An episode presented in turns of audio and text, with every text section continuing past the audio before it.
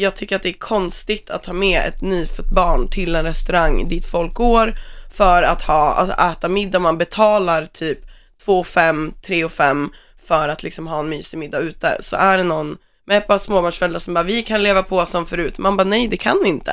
Nu har ni ett barn, var hemma och den, den vill bajsa, äta och sova. Wow. Liksom. Oj, oj. Eh, Frida, men- nu, det, jag, Där. jag ska låta dig Frida, du, du, ska få, du ska få kommentera detta såklart. Eh, ja, Eh, men alltså jag anser så här, det här är ytterligare en sån här typisk grej som alltid kommer upp från folk som inte själva har barn. Mm. Det känns som att så fort man skaffar barn, då ska man typ bli straffad på grund av det. Man ska alltså inte få åka på långa resor för att störa folk och man ska inte få gå ut och äta för att man har barn. Mm. Alltså det för mig är bara så här, ska man ta ifrån alla jävla rättigheter bara för att jag har valt att utöka min familj? Mm. Alltså det för mig känns inte okej överhuvudtaget. Nej. Så sånt här gör mig förbannad. Alltså jag tycker, på riktigt, jag tycker det är skitirriterande. Det är också så här, ni två, ingen av er har ju barn, det har ni inte. Men jag har inte Och- bil heller, men jag vet ju att det är svårt att hitta parkering i Stockholm liksom.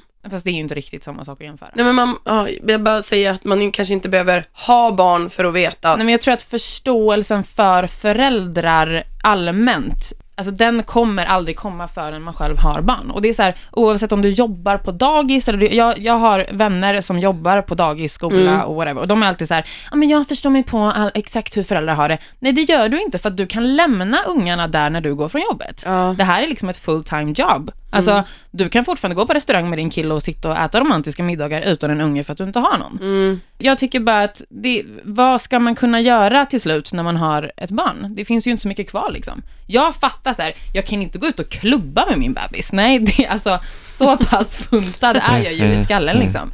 Men normala saker som att gå och äta middag, åka på resor och så vidare, där tycker jag så här, nej, de rättigheterna kommer ingen få ta från mig i alla fall. Mm.